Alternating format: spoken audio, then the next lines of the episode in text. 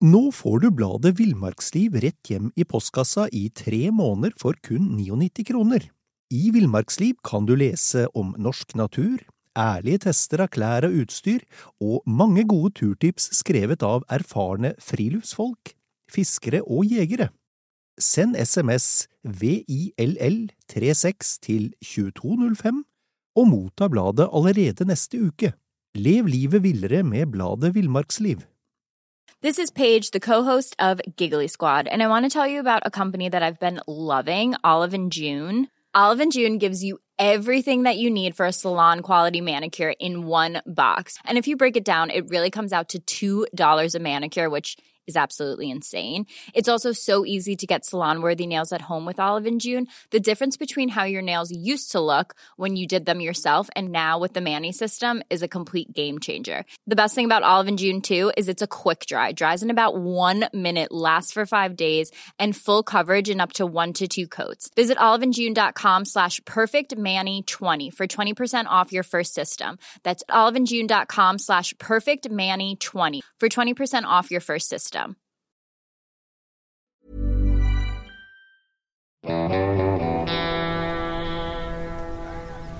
Velkommen til podkasten Villmarksliv. Mitt navn er Knut Brevik, og jeg er redaktør i bladene Villmarksliv, Jakt og Alt om fiske. I dag skal vi snakke om, om polfareren Otto Sverdrup, og med meg har jeg Alexander Wisting. Du skrev i 2017 du, boka 'Skyggelandet', en biografi om, om det som vel er betrakta som den tredje store norske polarhelten, nemlig Otto Sverdrup. Han vokste opp på Horstad gård, han, i Åbygda, rett utafor Terråk i Bindalen. Der var, det, der var det tøffe krav til, til barn og ungdom den tiden. Ja, altså du har jo altså Sverdrup kom jo fra en familie som var, du kan si må ha vært i noen grad harde typer. De kom jo fra Danmark opprinnelig, og så var de handelsfolk, forretningsmenn, til og med prester i området der. Og de var kan du si, sta. De var tøffe. Og Sverdrups oppvekst preges jo av det. Det er villmarksliv. Han skyter bjørn før han er 15. Og ikke minst har han jo denne historien med hvordan de lærte barna å svømme. Hvor sant den er, det kan man jo aldri vite, men Sverdrup bekreftet dette. her. Det var hans svoger Daniel Koch som skrev det en biografi på 20-tallet. Nei, svoger Daniel Koch som skrev det en biografi på 20-tallet. Eh, og det har seg jo sånn da at det var vel morfaren som eh, rodde ut til midtfjords på et vann der ute og tok med seg ungene. Og da var det på tide å lære seg å på, svømme på et tidspunkt. Jeg tror Sverdrup var en åtte, ni, ti år. Og når han kommer sånn et godt stykke utpå, så sier han jo rett og slett det er bare å komme seg ut. Han hiver jo gutta på vannet og sier at nå kjører jeg inn, og så svømmer dere. Og det var jo en sånn fysisk måte å lære seg ting på. Og du kan si at jeg er ikke sikker på om allting var, alt var sånn der ute, men det er klart at det, dette var, en, var, ganske tøffe kår der de bodde. Og Sverdrup kom ikke fra noen rik familie. Han kom fra en familie hvor de, de hadde vært rike tidligere, men faren var ikke det på noe vis. De var mange barn. Det var en tøff periode. Dette er jo på 18 1860-tallet vi snakker om nå, han er jo født i 1854. Eh, og det er en ganske annen tid i Norge enn det som skal komme senere. Så er, han, han, vokser opp i et produkt av en helt annen tid. Blir du ikke en mann, så er du i prinsippet ferdig, er vel det egentlig morfaren vil lære. Mm. For det er en ganske røff pedagogikk?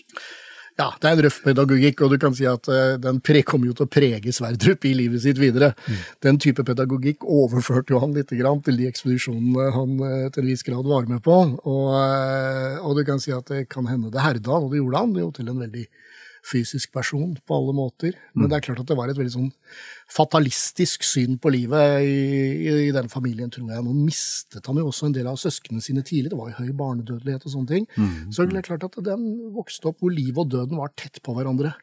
Og du var nødt til å takle det du kom ut for. Og når du bodde ved sjøen, og sjømannsyrket var en del av det man kunne livnære seg på, mm. så er det klart det var en nedtur å ikke kunne svømme. Du mm. måtte rett og slett det. ja. um, og han, eh, du skriver at han fikk jo våpen allerede som tiåring, og streifa rundt og jakta sammen med, med broren sin. Ja. Og du har jo vært inne på den første, første bjørn før, eh, før, fem, før fylte 15? Ja, og du kan si at jakt og fiske var jo noe av det viktigste der han vokste opp. Og det er klart at Sverdrup han skriver jo seinere om det. Og det tida er vel noe av det, det er det beste han vet. Det å ligge ute i skauen i kulda, det å jakte, det å være på fjellet, det å gå på ski eh, når snøen kommer. Eh, altså, eh, og, og, denne bjørnen, det var nok flere unge som skøyt bjørn den gangen, for da var jo bjørn en reell både en trussel og et slags sånn manndomsmerke. Hadde du tatt bjørn, så var du noe til kar, liksom. Mm.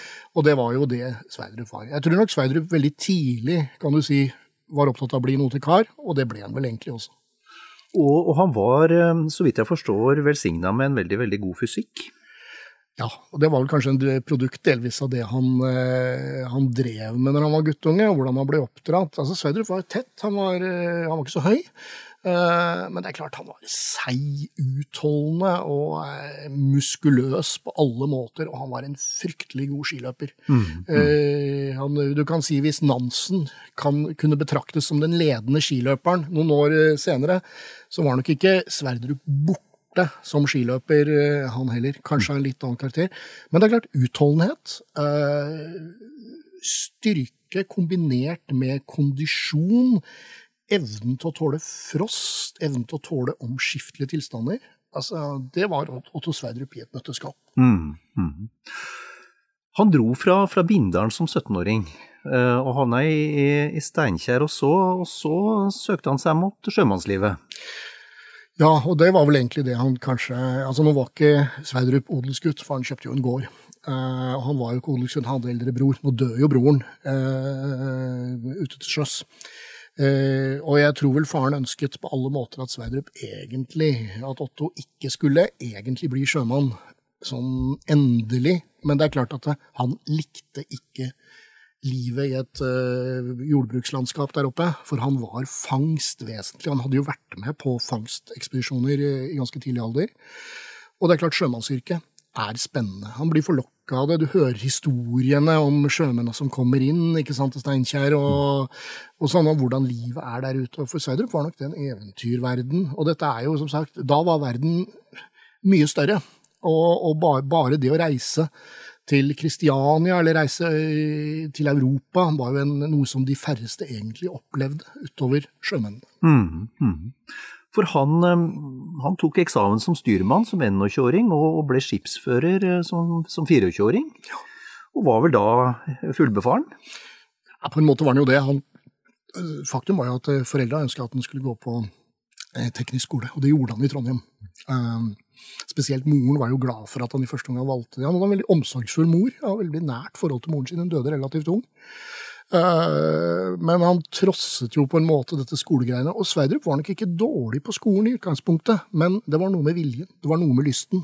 Han skulle ut, men han trengte jo For den kunnskapen var ikke helt ute, for så vidt, i en tid hvor du gikk fra seilskuter og over til ny teknologi med, en, eh, med et annet utgangspunkt. Så det å være styrmann og kunne noe om det var nok ikke feil allikevel, da. Men det er klart, eh, styrmannsskippereksamen, eh, på en måte, da, eh, var jo, var jo en, en, greie du kunne ta for å komme deg litt videre. Mm. Og Sverdrup ville jo opp, fordi at eh, altså, Sverdrup var nok opptatt av en klassereise.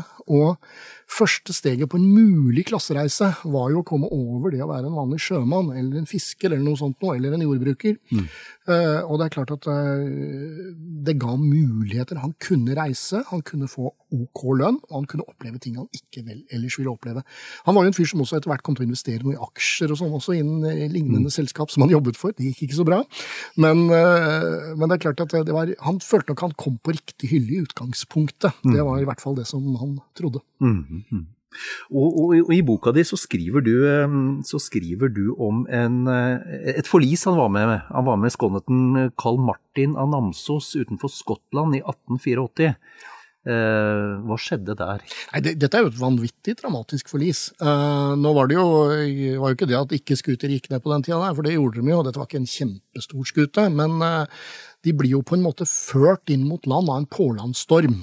Og det er jo masse undervannsskjær. Dette er ganske vilt, eller ser litt vilt ut, dette terrenget. Det er masse undervannsskjær, og det de frykter, er jo selvfølgelig at båten skal knuses til pinneved uten at de får reddet seg ut på noe vis som helst. Eh, og det er jo ikke noen måte å anrope noe på fra den, eh, den skuta der. De håper at folk fra land kan se dem. Men de, for Sverdrups del er de overlatt til seg selv. Båten er i ferd med å knuses under dem.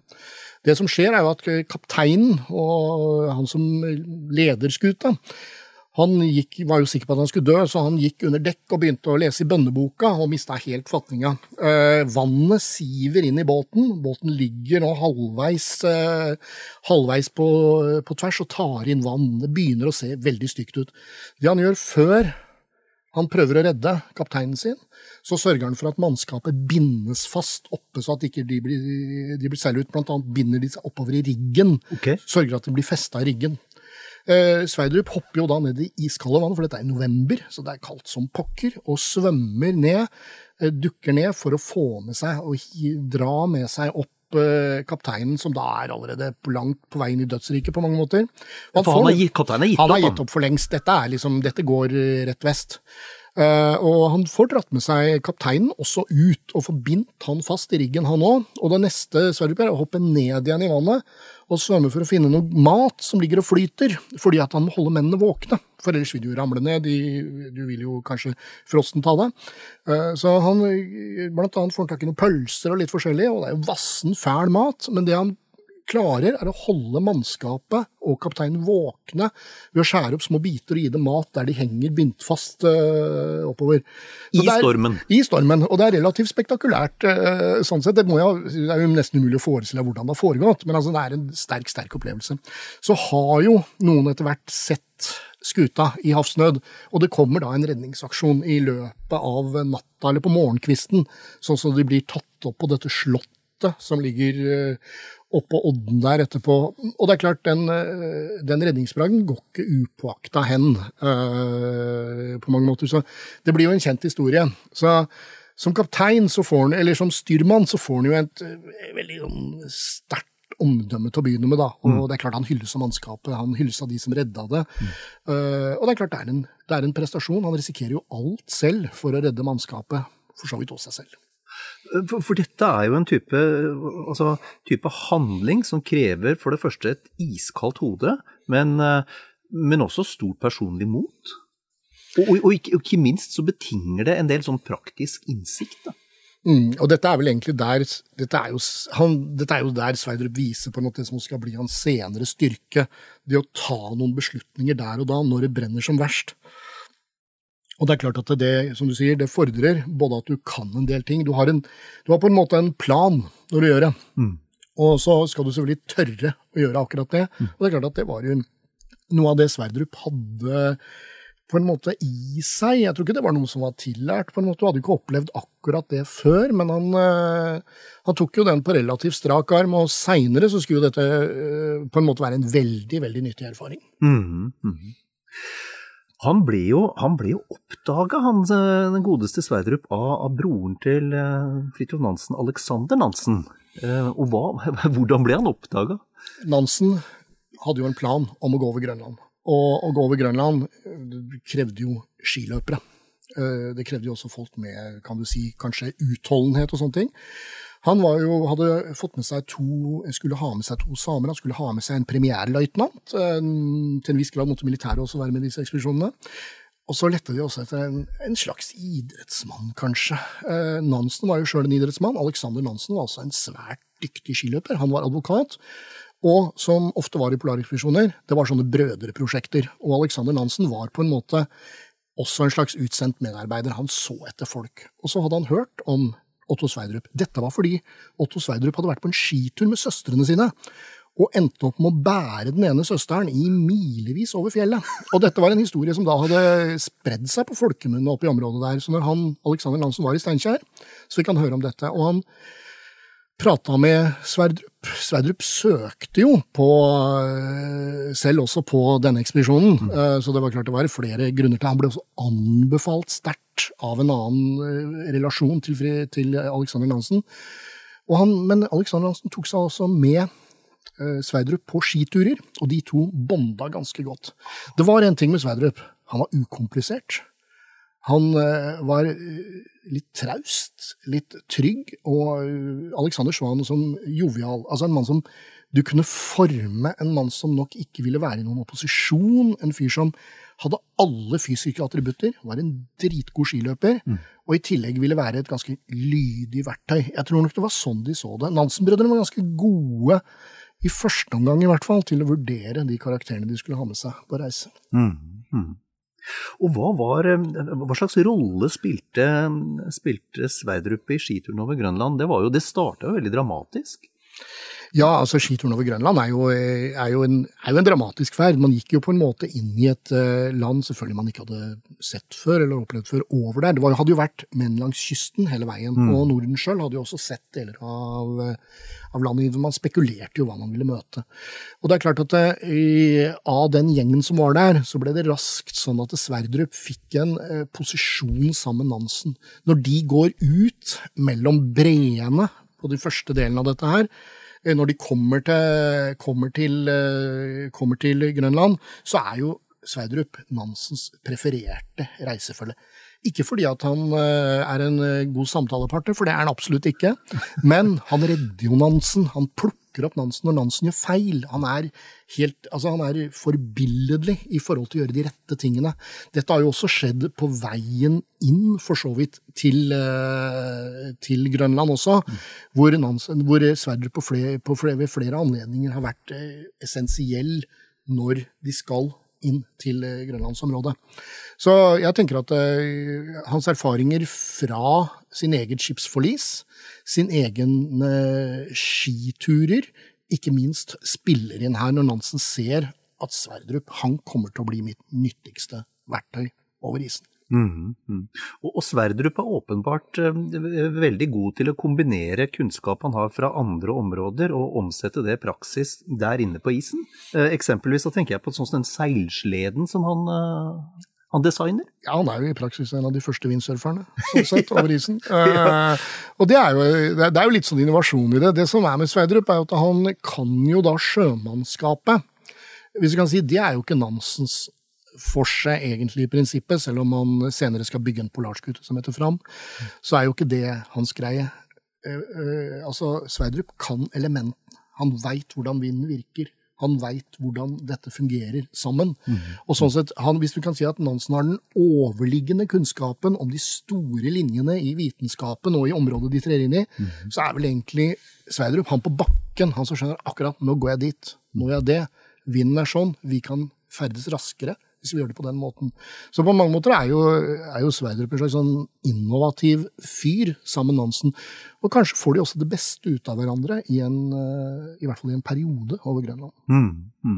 For, altså de, de, de, de, krysser jo da um, Grønland på ski, og på slutten der så, så, dukker det jo eh, behov opp for en båt, og da bygger han jo også en båt, en halv båt nærmest. Ja, den halve båt er jo en eh, de, bygger jo av det de har, har, foran seg der, fordi at de er nødt til å komme ut denne fjorden og komme til der det bor, bor mennesker. Og det er klart det er kaldt, og det er er jævlig, og de er sultne, og alt er gærent. Men på en måte så er de jo der, de jo, og, og, der har også forholdet begynt å skrante grann på det tidspunktet, fordi at uh, du har vært så lenge sammen, og du har møtt såpass mange utfordringer, men selvfølgelig, begge vet at vi nærmer oss. Vi nærmer oss på et eller annet vis. Mm. Uh, og er, det er jo en sånn innovativ greie. De bygger av det du har. De setter seg i en uh, båt som egentlig er en, et mirakel at klarer å bære dem innover denne her fjorden. Mm. Uh, men, men, den gjør den nytta. De kommer ganske langt, og, og faktisk er det et, en viktig element i den siste delen av den ferden. Så dette er med å ta grep, bare finne noe, bygge noe, lage det du har der er jo disse to faktisk veldig gode mm. sammen på Grønland. Mm, mm. Og, og, såpass inntrykk har jo Sverdrup gjort. altså Som du, du har vært inne på, han redder jo livet til, til Nansen da Nansen er i ferd med å falle ned i en bre, blant annet, og, og tar jo en rekke andre grep underveis her. Og han vokser såpass i Nansens anseelse åpenbart at han blir henta inn som, som kaptein på, på Fram. Ja. Det er jo øh, Du kan si at forholdet mellom de to er jo veldig gjensidig respekt etter den første ferden. Samtidig er det noe personlig gruff her. Eh, Sverdrup føler han blir satt litt til sida etter ferden. Han får jo ikke den samme oppmerksomheten av en ekspedisjon. Men allikevel, han blir til en viss grad en stjerne. Han kommer, reises opp til noe han ikke har vært før. Samtidig tjener han dårlig med penger mellom ferdene, så altså må han kjøre skrapjern på Sørlandet. Så det er klart at Sverdrups liv er, er, er, det er, ikke en direkte linje til suksessen. For mens Nansen samler inn penger, og Nansen samler jo inn penger som eh, man må til disse ferdene, og det er mye penger som skal opp for å få bygget fram, så er det et slags ødeland for, eh, for Sverdrup. Men Nansen holder han varm. Han sier ja, men du, vi skal på, vi må få til dette her, jeg vil få til dette her, du skal få en mulighet. Og etter hvert så blir jo Fram bygget, og da blir jo Sverdrup også en sentral del av byggingen av Fram. Mm. Så han er jo med, men faktisk helt fram, omtrent de drar, er det usikkert om han kommer til å få en kontrakt. Mm. Mm. Så det, det, det, ligger og vaker lenge, dette, og Sverdrups misnøye i den perioden er, er betydelig. Så det er, sånn, det er ikke en sånn rein oppbygging til en heltehistorie, men det er klart det geniale grepet med å bygge denne polarskuta fram, som kunne løftes opp av isen i stedet for å brytes ned, mm. til en nordpolsekspedisjon, der er Sverdrup også en vesentlig del. Han reiser og kjøper inn materialer for Colin Archer f.eks., og jobber jo vekselsvis for Archer og Nansen i, eh, i, den perioden. Og det er klart, Nansen så jo at her var det en fyr som kan redde hele greia, mm. hvis det skulle gå gærent. Det er klart han så det. Men mot Nordpolen så ønska seg nok Nansen litt andre typer. Han ønska seg vitenskapsmenn. Han ønska seg kanskje noen å snakke, kunne snakke mer med mm -hmm. enn, det, enn den litt tause Otto Sverdrup. Men for all del, han var definitivt et førstevalg, og han var et veldig godt valg. Mm -hmm. Vi skal komme litt tilbake til det med eh, økonomi og Sverdrup, men, men, men eh, vi kan jo i hvert fall fastslå at det, også etter, etter, den første turen over Grønland, eller turen over Grønland, så han klarte aldri å kapitalisere på den. Han ble liggende i et sånt dødvann, egentlig, helt til, som du sier, Nansen hentet ham fram igjen. Ja. Eh, altså Sverdrups liv er jo egentlig fortellinga om å være et økonomisk dødvann. Mm. Uh, han fikk jo noen muligheter, han kom til å tjene noen penger. Uh, I dette tilfellet her så er det jo på en måte at ekspedisjonsbetalinga var i seg sjæl ikke oppsiktsvekkende god etter Grønland. Og i utgangspunktet så hadde jo ikke han det verken lov eller noe i seg å skrive noen bøker, Otto Sverdrup, i første omgang. her etter, eh, Han var, følte seg nok allikevel da, han var jo fortsatt uh, ungkar, han hadde ikke barn, han følte nok at det var mulig å greie seg på, men han, altså, livet som skrapjernskipper uh, på Sørlandet var begredelig, og han forbanner jo alt ettersom han har jo vært på alles lepper. Han er blitt kjendis, ja. men allikevel så, så, har han liksom ikke Han har ikke fått det ut av det mellom der som han hadde håpet. Og det jo, går jo fortsatt noen år før Fram skal legge ut på ferd mot Nordpolen. Og det er klart at det livet hans er jo sammensatt i den perioden der. Det er det ikke noe tvil om. Mm, mm. Men så kommer vi altså til Fram, og da, da, skal de altså De skal altså reise, reise nordover, øh, la seg fryse inn i isen, og planen er da å, å drive over Nordpolen. Det er jo en dristig plan, og det er jo egentlig en, eh, en vanvittig plan på mange måter. Eh, det Nansen oppdager, er jo at eh, de relativt Han, han tenker jo at bassenget er ganske grunt der oppe, altså nord for Russland. De legger seg jo inn i Nordøstpassasjen mm. for å fryse inn. Mm. Men når de sitter og måler dette, her, så finner de ut at det er opptil 5000 meter. Lodde, loddesnoren deres går jo ikke, når jo ikke bånd. Og det er jo da skjønner at disse elvene er en liten dråpe i et stort hav. Så etter hvert så finner jo han ut at Fram ikke kommer til å klare dette her. Mm. For Sverdrups del så er jo fortsatt det der med å nå Altså, som kaptein om bord, så er han Selvfølgelig, han har et annet oppdrag. Han tenker ikke først og fremst på det store oppdraget når han går inn. Han tenker på at han skal få skute til å funke med sine mann, eller sine menn. Mm. Og i utgangspunktet så gjør vel for så vidt den skuta det. Uh, Nansens lederskap er litt vanskelig for Sverdrup å takle der, for Nansens ut, Nansen utvikler jo veldig mye hjemlengsel, melankoli. Mm. Han er jo, til motsetning til Sverdrup, som har en gammeldags tro, så er jo Nansen i praksis ateist. Han sitter og ser på stjernene og ser at der ute er ingenting, det er ikke noe gud som holder en hånd over oss. Det er det blaffet vi lever, og så er vi ferdig, og nå har jeg risikert allting mm. her ute. Og det er jo det, er jo, det, det, det preger Nansen. Han, blir, han på en måte blir aleine om de tankene mm. på Fram.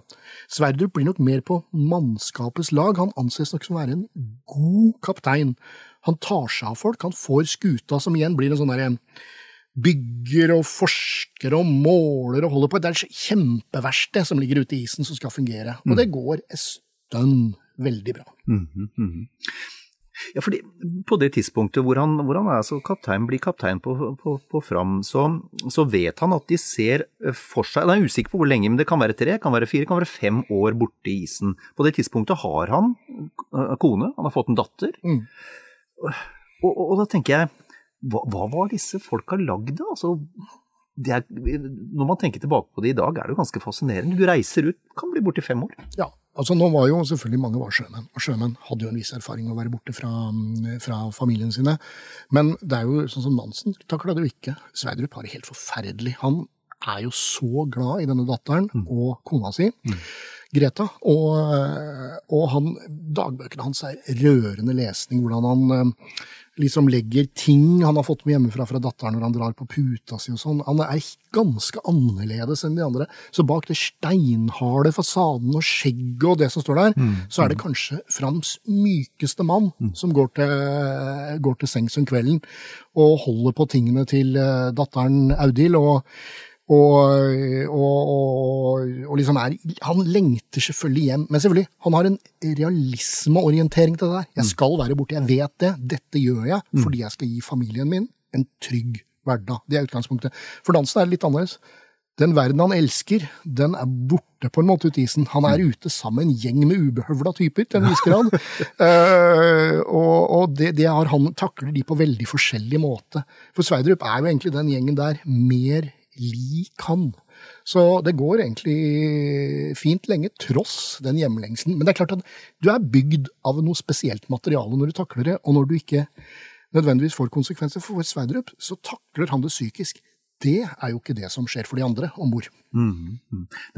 Det må vi også snakke litt om. Det her.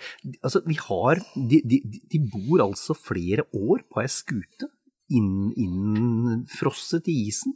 Uh, de, de, har hele tiden denne, denne, denne, overhengende trusselen om å bli skrudd ned i isen. Og de har den jevne belastningen med å måtte omgås hverandre. De, det kan hende de ikke liker hverandre engang. Altså, fortell litt om det. Ja, det, det, er jo, det, er, det er nesten umulig i dag å forestille seg det. For alle tilfeller i dag så har vi mulighet for å ringe noen eller sende en nødmelding eller en backup. Ikke sant? De er der ute. Folk vet at de har dratt men det er ingen som kan komme og redde dem. Det er ingen som kommer til unnsetning. De lever med en kontant, konstant dødstrussel rundt seg, mm. og de lever mennesker tett opp hverandre. Og som du sier, det er ikke mennesker de engang liker. Det er mennesker som eh, kanskje er veldig forskjellige. Det som skjer, er jo at psyken etter en tid begynner å brytes ned. Dette, og virksomhet er jo hovedmiddelet mot det på det tidspunktet der. Mm. Da er man jo redd for igjen dette skjørbuksproblematikken, altså kostholdsfeilen, men det er fortsatt såpass mye å jakte det området at jakt er en av de viktigste adspredelsene. Det er noe av det som får folk til å funke. Men ikke sant, når mørket legger seg, tenk hvor lenge det er mørkt. Mm. Og du sitter inne der, og du tror kanskje at du skal Kanskje i perioder tror du at du aldri kommer hjem igjen. Så er det klart at det gjør noe med psyken. Et ettervirkningene for mange av de som var der, var eh, voldsomme og, og, og, tøffe. Det er jo en ganske høy selvmordsrate blant polfarere, hvis du ser en statistisk på det, selv de norske. Mm, -hmm. Og, og, det var jo, så vidt jeg forstår, eller så vidt jeg har lest meg frem til i, i, i boka di, så var det jo det var noen slåsskamper. Altså, de, de, de barka sammen. Ja, og mesteparten av det skjedde først og fremst etter etter at Nansen hadde forlatt skuta. Men eh, det er klart at det, det lø, etter en tid så løser det seg opp. Da mister man respekten. De mista respekten for Nansen, dessverre, relativt tidlig. Okay. Når Nansen går ut fra forlater skuta sammen med Jan Hansen, så liker man å si at han egentlig ville hjem. Han gikk hjem. Han gikk, men han gikk ut på det mest risikoville alt, altså en dødsmarsj, egentlig. Tilsynelatende mot Nordpolen, men kanskje egentlig på vei hjem. Det som skjer, er at når den ene lederen forsvinner, så har den andre lederen fortsatt den er, som har mest autoritet. Altså Sverdrup hadde mest autoritet blant mennene, mest troverdighet blant mennene. Han var stabil i humøret, mm. men på et eller annet tidspunkt forsvinner respekten for Sverdrup òg. Og her er det slåsskamper. Det er folk som løper etter hverandre med hamre, og det går, tar ordentlig av i, uh, under dekket på Fram. Så på en måte så får du konsekvensene av alt det sammen. Der de hadde jo med seg mye alkohol, så det var en eh, viss grad av fyll ved noen eh, høytider. Mm. Og selvfølgelig den psykiske påkjenninga, det sammenbruddet som på en måte uunngåelig ville skjedd. Altså, du, Er du lenge nok ute, så kommer sammenbruddet fullstendig. Mm. Men her var, begynte det å nærme seg et eller annet sted når du hadde vært ute en to, to og et halvt år. Mm. Da var det på frysepunktet også for, eh, for Otto Sverdrup. Du har jo også sånn at det, du har jo da en lege med et narkotikaproblem mm. underveis der. Så det er, det er mange faktorer som spiller inn. Midt i dette står Otto Sverdrup, mm. mm. en kar fra Bindalen. Solid planta med beina i jorda, og gjør det beste han kan. Han gjør det veldig bra, men han kan heller ikke forhindre at alt nesten går til helvete. Mm. Som du sier, så forlot jo Nansen og Johansen forlot jo skuta i, i, i 95. Um, inntil da, hvordan hadde forholdet mellom Nansen og Sverdrup utvikla seg? Nei, det ble jo kjøligere og kjøligere. Uh, det, de, de på en måte ble mer og mer uenige om hva man skulle holde på med, men først og fremst irriterte jo Sverdrup seg over Nansens humørsvingninger, for de var uh, betydelige. Uh, og, og, du kan si at det er vel egentlig en enorm lettelse fra, som Sverdrup skriver i dagboka si når Nansen drar. Og det er klart at Kanskje er det urettferdig mot Nansen, for det er klart hvem som satt med det til syvende og sist. Kanskje den øverste bekymringa var nok Nansen, men mm. i motsetning til andre så var han nok ikke skapt for det lange oppholdet i isen som, uh, som han satt i. Så det, det er mange småting, uh, små og større ting, som gjør at det, de på en måte egentlig glir fra hverandre. Når Nansen forlater Fram, så har egentlig Otto Sverdrup og Fridtjof Nansen glidd fra hverandre så mye at de kan aldri til syvende og sist egentlig bli buddies som de har vært på noe vis, og det skal jo vise seg i fullt monn senere. Akkurat, akkurat. Du, du, nevnte jo dette med en, med en, en narkoman lege. Ja. Ehm, det var jo Blessing. Eh, hvordan løste Sverdrup eh, den eh, floken? Nei, Dette er jo egentlig de tingene som er relativt imponerende. fordi at Sverdrup setter jo denne legen rett og slett på en fullstendig avrusningskur. En detox? Ja, egentlig. Nå får du bladet Villmarksliv rett hjem i postkassa i tre måneder for kun 99 kroner. I Villmarksliv kan du lese om norsk natur, ærlige tester av klær og utstyr, og mange gode turtips skrevet av erfarne friluftsfolk, fiskere og jegere. Send SMS VILL36 til 2205 og motta bladet allerede neste uke. Lev livet villere med bladet Villmarksliv. Hey, I'm Ryan Reynolds. At Mint Mobile, we like to do the opposite of Big Wireless. They charge you a lot, we charge you a little. So naturally, when they announced they'd be raising their prices due to inflation, we decided to deflate our prices due to not hating you. That's right. We're cutting the price of Mint Unlimited from $30 a month to just $15 a month. Give it a try at mintmobile.com slash switch. $45 upfront for three months plus taxes and fees. Promote for new customers for limited time. Unlimited more than 40 gigabytes per month. Slows. Full terms at mintmobile.com. Det er jo det han gjør. Og, og, men, og det, det han, altså Sverdrup sverger jo til sånne ganske enkle metoder. Der eh, kom deg opp, gå tur uh, og gjør sånne ting, og spis enkelt. Så han innførte jo et veldig sånn kost, sunt kosthold som han var til fra, vant til fra barndommen. Dette er korn, det er kjedelige ting. Mm. Men på en måte skal du snu helsa til en del av det mannskapet så måtte du jo for det første ha aktivitet, men for Blessing så var det avrusning. Så han fjerna rusmidlene. Han tok dem vekk. Han eh, lette jo ikke sant? Hadde jo, Han hadde jo gjemt eh, ting her og der. Og, og, og, og det, du kan si at eh, Blessing var jo den som egentlig lå nærmest Nansen sånn intellektuelt sett. Mm. Kanskje Sigurd Skott Hansen også, men, men, først og fremst Blessing. Og, og, og, og, det er klart at når han falt ned i den, det han gjorde etter Nansen hadde forlatt skuta, så var det en slags katastrofe. Legen er ute av drift. Mm. Og blir du sjuk der oppe, så er det jo legen, nettopp legen du trenger. Mm. Så for Sverdrup var det helt essensielt å få legen på beina. Han skulle jo oppleve på sin egen ekspedisjon senere et enda verre utfall enn det han var midt oppi her. Mm. I, I, den perioden eh, etter at, eh, etter at eh, Nansen hadde, og Johansen hadde forlatt skuta, hvordan, hvordan ble han opplevd som leder av de andre på båten? Det gikk nok litt opp og ned. Det var, Først og fremst ble nok ansett veldig mørk, han også, i sinnet, i en stor periode. Og det var selvfølgelig for de lå og stampa da var, jo, da var det jo bare ett mål, og det var å komme ut av isen og komme seg hjem. Det, om, om, det om de trodde at Nansen og Johansen ville overleve, det vet man jo kanskje ikke. At de trodde de ville nå en Nordpol, jeg tviler på at de trodde det. Uh, og, og, det var jo ett mål, det var å komme seg ut av den isen når muligheten bød seg. Men de lå jo ganske godt fryst fast. Uh, og Sverdrup har jo en Det er litt sånn blanda, fordi at han, han, han snur det på en måte på et tidspunkt. Så klarer han å snu det til å få egentlig Jeg vil si at han, får, han har god støtte bakover.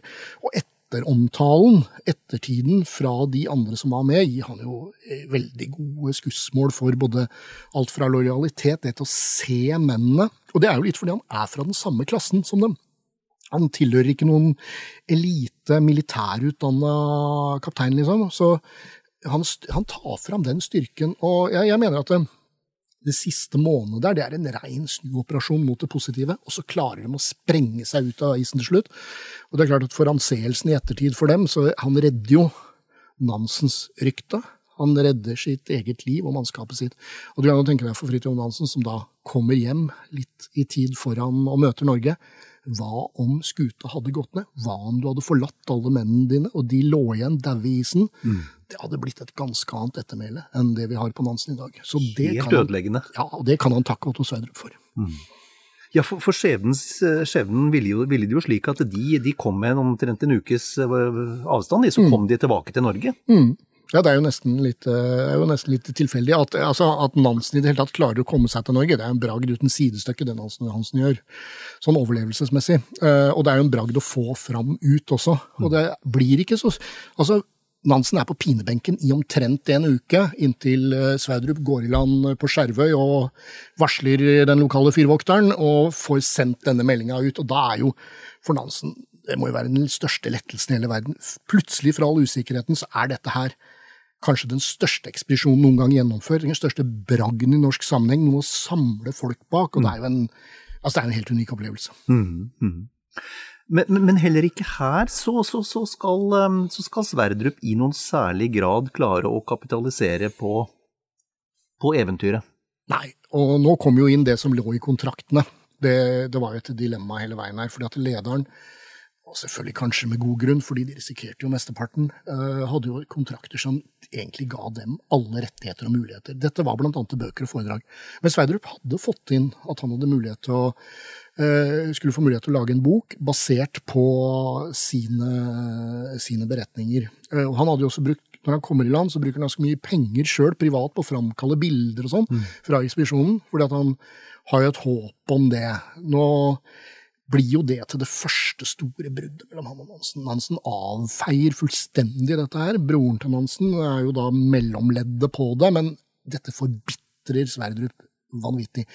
Han har ikke hatt noe dårlig lønn når han har vært ute, men det er klart at det er noe helt annet for å trygge ettertiden enn det, det Nansen selv opplever, og Amundsen senere skal uh, få muligheter til. Så det ender, vel, det, ender, det ender, jo med en veldig enkel løsning, hvor det han gjør, får være en del av uh, Nansens beretning, og det forbitrer Sverdrup voldsomt. Han går jo da i planer hele tiden om å gjøre nye ting, kanskje gjøre nye, nye ting selv, men uh, etter ferden, det første året etter ferden, så er det først og fremst en stor, stor skuffelse, til tross for at han er med på heder og ære. Altså han Sammen med Hjalmar Johansen og Fridtjof Dansen får han jo på en måte en grunnleggende Men han kommer litt i skyggen av de to som har gått selve skituren. Mm. Og, det, det, er vel på en måte litt livet hans i et nøtteskall? Han kommer litt i skyggen? Ja, og det er jo nettopp den Det var veldig kaldt i skyggen til dansen. Det erfarte jo Sverdrup. Det erfarte Roald Amundsen også for så vidt senere. Uh, og, og, det er klart at Nansen ville nok folk vel, men det er klart at når Nansen kom tilbake, så skulle han ta den store prosjektet sitt og omsette det i en hel bråta med forskjellige spennende ting. Mm. Han hadde verken tid egentlig eller ønske om å tenke så mye på dem. Og det er klart at det, Han hadde nok allerede følt at forholdet til Sverdrup var begynt å distansere seg under ferden. De var, tenkte rett og slett ikke likt. De var to vilt forskjellige mennesker. Og han merka nok at Sverdrup hadde manglet en respekt for han, kanskje, som han nok følte at han hadde gjort seg berettiget til. Men like fullt så er jo Nansen en del av det som skal bli Sverdrups egne store ekspedisjon senere. Mm. Dog blir det en veldig endret uh, sak i forhold til det Sverdrup opprinnelig, opprinnelig håper. Mm. Ja, for to, for to, år senere så, så, var jo Sverdrup igjen på vei inn i isen. Eh, for, for, for, mannen han aldri kom ut av skyggen til, på en måte. Hva, hva var det han eh, trodde skulle bli annerledes denne gangen? Ja, altså, Jeg tror vel egentlig at Sverdrup var i nød. Eh, Sverdrup ønsket å gå mot Antarktis. Sverdrup ønsket vel det, han ønsket vel en pol på linje med de store gutta. Mm. Det var jo det det dreide seg om den gangen. Det var også de målene. Nansen hadde vist at det var mulig å gjøre en sånn ekspedisjon.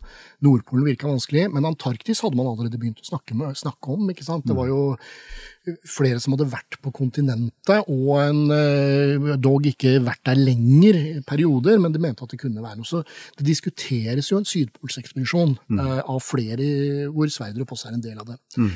Sverdrup har jo ikke sjøl evnen til å reise noe kapital til en stor ekspedisjon. Og det er det tilbudet som på en måte blir en slags enighet med Nansen, det er jo en utforskningsekspedisjon. Og det er jo det som er Nansens hele mantra. Oppdagelser, vitenskap, ikke rekordjag. Det er liksom i hvert fall det han sier. Mm. Eh, det Sverdrup får, er jo at han får en mulighet til å bruke Fram på ny, altså til den andre framferden, mm.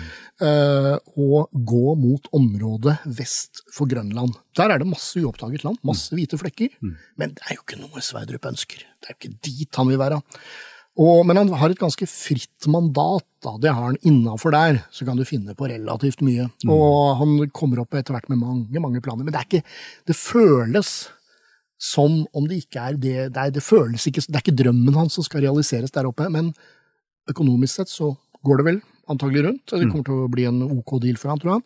Og ikke minst, han blir ekspedisjonsleder. Og det er klart det er en viss virak rundt den ferden når den drar av gårde, men den er tungt besatt vitenskapelig. Så mm. her reiser jo Sverdrup ut egentlig med menn han ikke normalt sett ville gå så godt sammen med. Nettopp. nettopp. Uh, og også denne turen blir det jo store sosiale spenninger. Eh, vi var så vidt innom det eh, for en liten stund siden. Dette med Det skjer jo et selvmord også. Ja, altså den Sverigesekspedisjonen her, det er jo vel fire overvintringer. Og de fire overvintringene de er beinharde. Eh, delvis fordi at det er, en, det er et tydelig mål.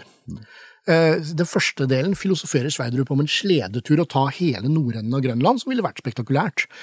Så begynner han å gå inn og gjøre mer av de landoppdagelsene, og det skal vise seg betydelig, det han gjør. Men før det så Han kom jo inn, altså isen med en ledende nordiske vitenskapsmenn, det må kunne sies. Botanikere, mm geologer. Han gjør jo alt riktig på mange måter. Han tar med seg et A-lag av det. Det er klart, Disse folka er helt uegna til å være ute i fire overvintringer ute. Mm. Og det begynner veldig raskt. Her er også militær ledelse gjennom styrmann, og det er skjærings allerede første overvintringa så begynner skjæring. Det, det, demper seg med jakt, eh, det demper seg med sånne ting, men han sitter på et, et, mannskap som spriker så fullstendig. Disse intellektuelle forskerne vant et universitetsliv, lengte hjem til Lund. Mm, mm. Uh, du har eventyret som den pianospillende, pian, en pianospillende mann som egentlig fikk være med litt fordi han skulle være en entertainer. Uh, og, Kanskje ikke dum idé? Nei, ikke en dum idé, men det skal vise seg å være, gå relativt dårlig. Og her gjør egentlig Sverdrup ikke noen supergod jobb til å begynne med. Han sliter med å finne alliansepartnere, kanskje. Eh, psykologisk sett så klarer han ikke bonde ordentlig. Han er sjefen, ja, han er sjefen med stor S, altså. Men, eh, men du kan si at han klarer ikke komme inn til kjernen av det. Samtidig gir han vitenskapsmennene masse frihet, og de utretter masse, masse. Mm. Men det er litt underkommunisert, det også. Men de klager jo hele tida. Geologen klager på at Sverdrup har opptatt rekordforsøk, eh, botanikeren klager på at den ikke får tid, men i det hele tatt så brytes disse gutta ned. Bang, bang, bang. Og så har de jo lege Johan Svendsen. Mm. Uh, og han er jo da en tidligere bekjent av Blessing, vel anbefalt av Blessing fra den forrige ferden. Uh, og det skal jo vise seg å gå ordentlig galt, for når de er på sitt mørkeste en av disse overvintringene, så tar jo narkomaniet igjen over for uh, legen. Nå hadde antagelig det vært der fra før av, fordi det var jo legen som godkjente alle som skulle reise, mm. fysisk. Mm. Mm. Han, kunne jo ikke, han godkjente jo da seg selv, mm. så kanskje hadde det vært der fra før av. Men dette ender jo opp i en fatalt selvmord, uh, hvor på en måte Sverdrup ikke klarer å tolke signalene i forkant hele veien. Han ser en mann som er i ferd med å brytes fullstendig ned. Han ser kanskje ikke at narkotikamisbruket er i ferd med å lede han over. Det er en blanding, og det blir jo det han kaller delirium. da. Altså Mannen blir jo gal, rett og slett. Og under en, og da, da, da er altså Sveriges virkemiddel Ok, vi kommer oss ut, da. Da er det ta med gutten på jakt. Han tar med gutten ut sammen med en av de andre mest betrodde partnerne sine. Og det er, men de lar han bli igjen i teltet, denne Svendsen. Og når de kommer tilbake, så ser de han stanser på en topp. Så tar han kikkerten opp og ser ned mot teltet, for han er urolig for Svendsen. Eh, og så ser han en fyr som plutselig faller tilbake foran teltet.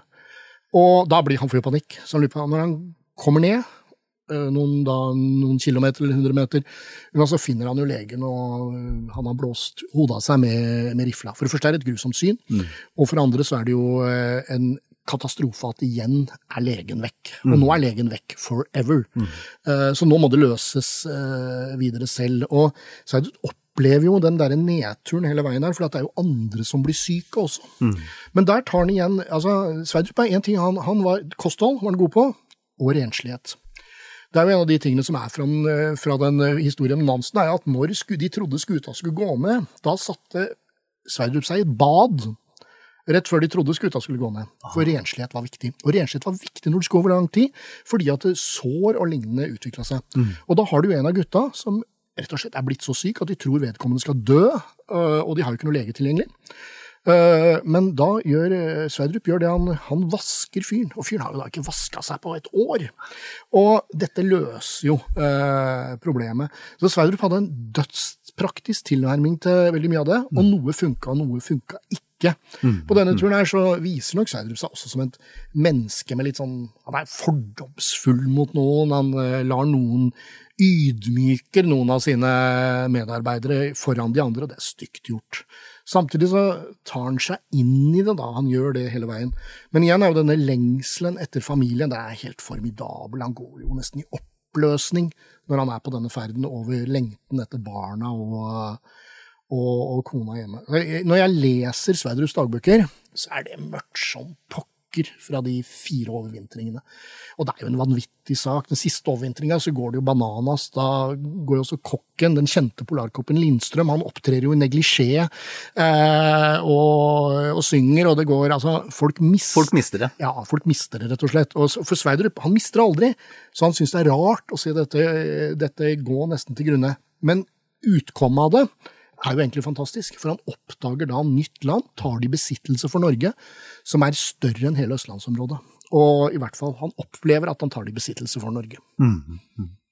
Um, og, og, og de, kommer seg jo, de, de kommer seg ut, som du sier, etter en, etter en suksessrik eh, ekspedisjon med, med mye nyvunnet land, men, men igjen ingen, um, ingen stor økonomisk suksess. Altså han, han, han finner vel ut at han, eller omgivelsene finner vel ut at han har ikke, de kar karismatiske egenskapene som trengs for å eksempelvis holde en foredragsturné, da. Nei, Sverdrup er en katastrofe om foredrag. Det ene er at han ikke vil snakke engelsk, hvilket gjør at eh, han, eh, han sliter. Egentlig kanskje litt rart med tanke på at sjømenn ofte brukte engelsk som hovedspråk, eh, men han gjorde ikke så. Foredragene hans var tørre og kjedelige. Det ble vel straks klart at det ikke kom til å bli noen foredragsturneer på Otto Sverdrup, selv om ekspedisjonen var Altså, Det hadde fått en god del oppmerksomhet, ekspedisjonen hans. Så på en måte så tørka det ut. Eh, bøk for all del. Han ga ut eh, fisk, fikk skrevet sin bok etterpå.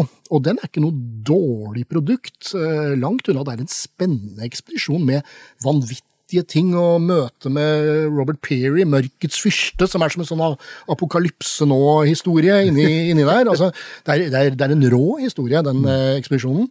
Men det er klart, det fenger ikke folk på samme måten. Han er en kar som ikke eier Nansens karisma overhodet. Nei. nei.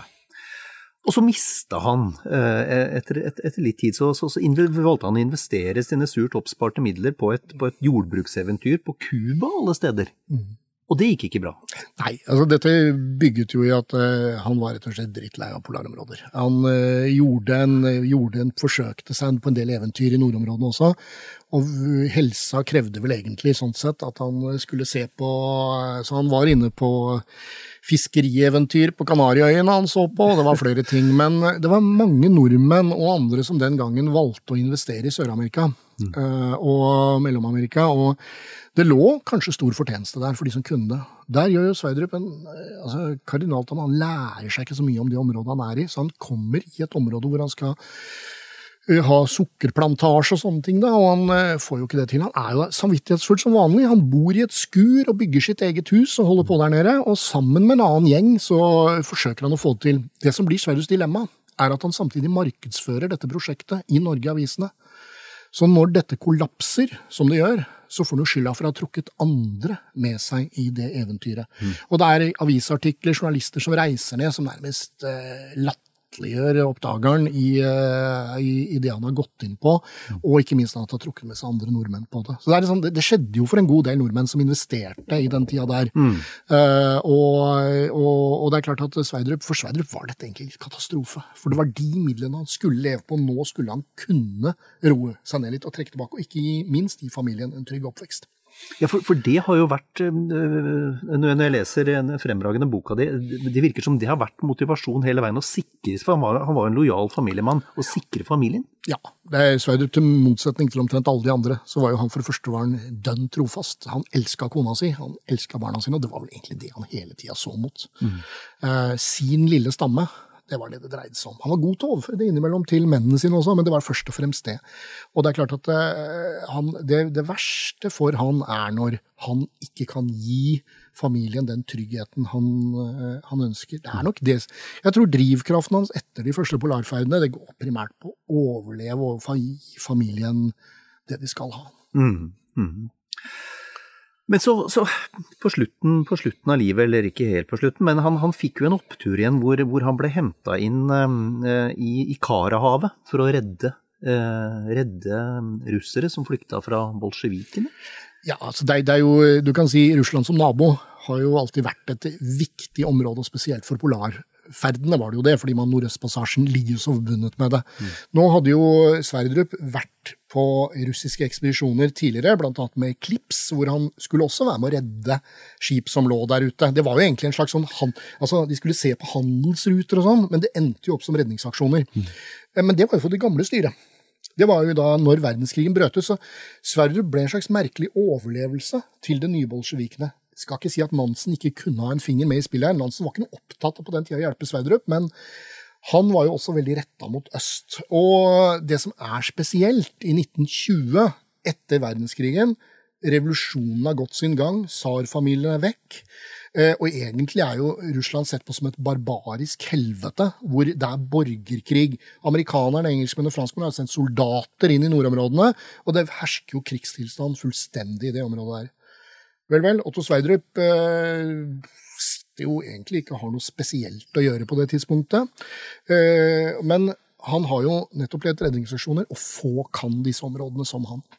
Så det er jo egentlig kommunistene som går i gang med denne redningsaksjonen, som hyrer på dem. De kjøper altså Det, blir, det, blir, det er en skute som, de har tatt, som har vært tatt i beslag tidligere, et russisk skute som de eh, vestmaktene har tatt i beslag, som da blir kjøpt for å ta sin del av verdens største isbrytere den gangen. Eh, og det som pussige er jo at det er jo, eh, det er jo en av de, det er vel Maxim Gorki, den store russiske forfatteren, som tar initiativet, for dette er en katastrofe. Det er samla. Det er masse mennesker som flyter rundt i Karahavet på en skute og er i ferd med å sulte i hjel. Det er barn, det er kvinner, men ikke minst er det flyktninger fra det kommunistiske regimet. Og det er jo krig i området. Det er skyting, det er bråk, det er krigstilstander på alle måter. Men, så det er en litt rar aksjon, fordi at Sverdrup går på en måte inn for å, å redde på vegne av regimet, motstandere av regimet.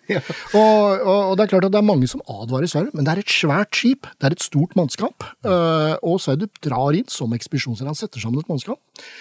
Og de når jo denne skuta. De klarer å redde disse menneskene ut med den isbryteren, men er under, de er jo i norsk presse spekulerer at det, dette er det siste du ser til Sverdrup. Det er det siste du ser til nordmenn. Nå blir de ført eh, til fangenskap og skutt eller et eller annet sånt. Så ryktene er jo voldsomme. Men eh, nå har jo ikke eh, Det er jo en samarbeid med også en russer, dette her, som man har samarbeidet med tidligere. Og det, er ikke, det virker ikke som de har noen negative hensikter med det. De vil genuint sett redde dette skipet. Nå viser det seg at det er også etterretningsoffiserer for de hvite. og sikkert regimemotstandere, viktige fortid vi har tak i. Så Sverdrup havner faktisk opp på den første kan du si, asylaksjonen eh, på mange måter, som nesten har vært. For det som skjer når de når skuta, er at eh, da blir de fulgt av en annen, et krigsskip, et russisk krigsskip, et sovjetisk krigsskip, som krever å få utlevert de regimemotstanderne. Det nekter Sverdrup. Han innvilger de i praksis asyl på dekket på Svetogor. Og dette er jo, en, eh, er jo en, en, ganske spektakulær historie sett opp. Nå aksepterer jo Lenin og russerne dette. De respekterer Sverdrups rett. Og han får tatt med disse tilbake til Norge. Så de kommer til Norge og takker jo Sverdrup for evighet eh, for livet sitt senere. Mm.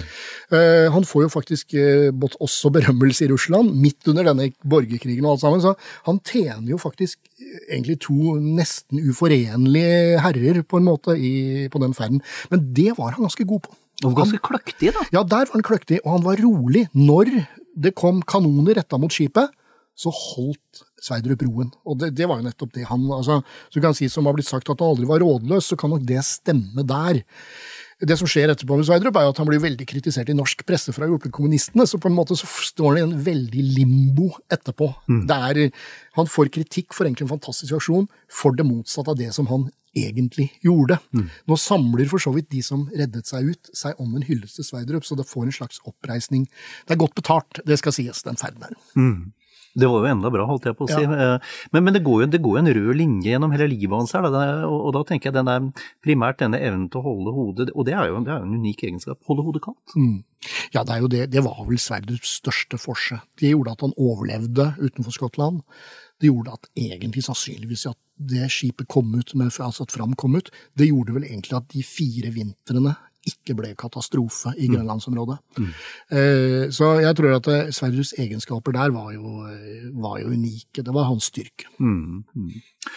Og, og, som vi har snakka om hele, dette, hele tida, dette jaget for å sikre, sikre familien økonomisk. Øh, og det lykkes han jo til slutt med, eh, helt mot slutten av sitt liv. Helt mot slutten gjorde han det. Det er jo en eh, spesiell historie, akkurat det som ligger bak det. For Sverdrup var jo egentlig nesten konkurs på et tidspunkt, eh, og i veldig voksen alder. Han døde jo i 1930 etter å ha hatt kreft. og det som skjedde, var at Sverdrup hadde operert som en slags agent på fiskerirettigheter rundt Grønland og i forhold til det landet som var tatt i besittelse.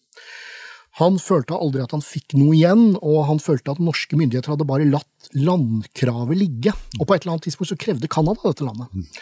Uh, og Sverdrup, som da samtidig ble beskyldt for å være canadisk agent, uh, altså rett og slett canadisk spion, og fordi han ønsket å forhandle fram et krav til canadiske myndigheter mm. på en relativt stor sum penger.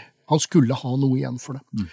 Og dette er en lang, lang diplomatisk affære. Dette er veldig ulikt Sverdrup, for det er jo egentlig ikke Dette kan ikke han i det hele tatt, men har med seg noen ganske dyktige advokater. Uh, han blir fryktelig uvenner med det norske utenriksdepartementet. Han føler at Norge har vendt hans store oppgaver De tar ikke engang i besittelse det landet som han mente, mente han hadde gjort. Og kanskje var det feil. Dette var et land som naturlig nok tilhørte vel, vel Canada, hvis man skal si det sånn. Mm. Uh, men enden på visa blir faktisk at han oppnår en erstatning. Han får ikke den utbetalt, vel. Han får noe, han får i hvert fall vite Han dør jo i 1930 mm -hmm. av kreft. Når han er veldig syk, så blir han innvilget uh, dette her. Og familien får en erstatning som er en uh, av en betydelig størrelse helt på slutten av livet hans. Men det er jo litt sånn karakteristisk for Sverdrup på slutten, fordi at uh, det er jo en historie der som er litt, litt artig. Det er jo at Sverdrup er jo kreftsjuk. Og så kom jo, eh, kom jo da broren til eh, det er vel broren til Nansen, eh, eller nevøen til Nansen. Ja, det er i hvert fall en, en slektning, eller en nær venn av huset, som kom på besøk. Mm. Og da sier jo Greta, kona, han lever for fortrukne gardiner ute i Sandvika. Mm. Han er det helt mørkt inne, så sier ja, Otto er, Otto er syk, og han kommer til å dø. Men for all del, han vet ikke om det, så du må ikke, må ikke, må ikke snakke med ham om det. Nei. Og når da han kommer inn til Sverdrup, så sier jo, sier jo, Sverdrup ja, jeg kommer til å dø snart, men Greta vet ikke, så du må for all del ikke si det. Uh, det er litt illustrativt for hvordan Sverdrup var. Han kommuniserte ikke nødvendigvis godt med mennesker, ei heller sine nærmeste, mm. men, men på en måte livsoppgaven ble jo på en måte fullført i den grad at han fikk anerkjennelse for de store oppdagelsene sine, mm. Mm. og han fikk til slutt økonomisk grunnlag for familien. De kunne betale ned eh, huset sitt i praksis, de kunne gjøre opp for ting, og de kunne bo videre der når han ble borte. Det var nok noe av det som eh, hadde plaga han mest i, eh, i, slutten av livet sitt. Han overlevde jo både Amundsen og Nansen. Mm. Så sånn sett så kan du si at han så jo at de store ble borte. Han mm. var liksom den siste igjen, selv om det var en kort tid, kort tid etter. Så jeg, tenker, jeg tenker at dessverre fikk sin oppreisning, men det, et, det, et, det, er et liv som er utrolig sammensatt. og en veldig, sånn, Det er en mann som er født i 1854, kommer fra den gamle tiden og lever egentlig helt inn i det moderne mm. med en helt annen måte å være på, en helt annen holdning. Så det er et langt og innholdsrikt liv. Mm. Og det er aldeles fantastisk skildra, Alexander Wisting, i boka di eh, om Otto Sverdrup som heter 'Skyggelandet'. Tusen takk for en hyggelig prat. Takk.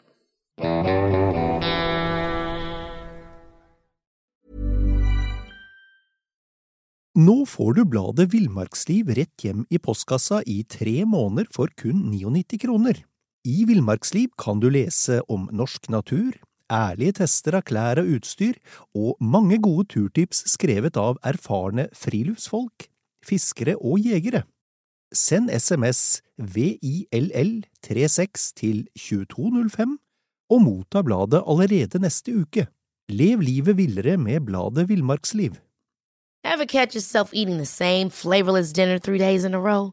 Dreaming of something better? Well, HelloFresh is your guilt-free dream come true, baby. It's me, Kiki Palmer. Let's wake up those taste buds with hot, juicy pecan-crusted chicken or garlic butter shrimp scampi. Mm. Hello Fresh. Stop dreaming of all the delicious possibilities and dig in at HelloFresh.com. Let's get this dinner party started. Planning for your next trip?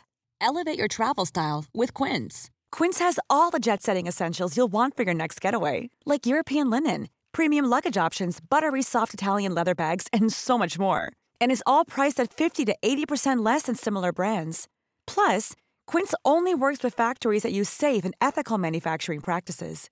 Pack your bags with high-quality essentials you'll be wearing for vacations to come with Quince. Go to quince.com slash pack for free shipping and 365-day returns.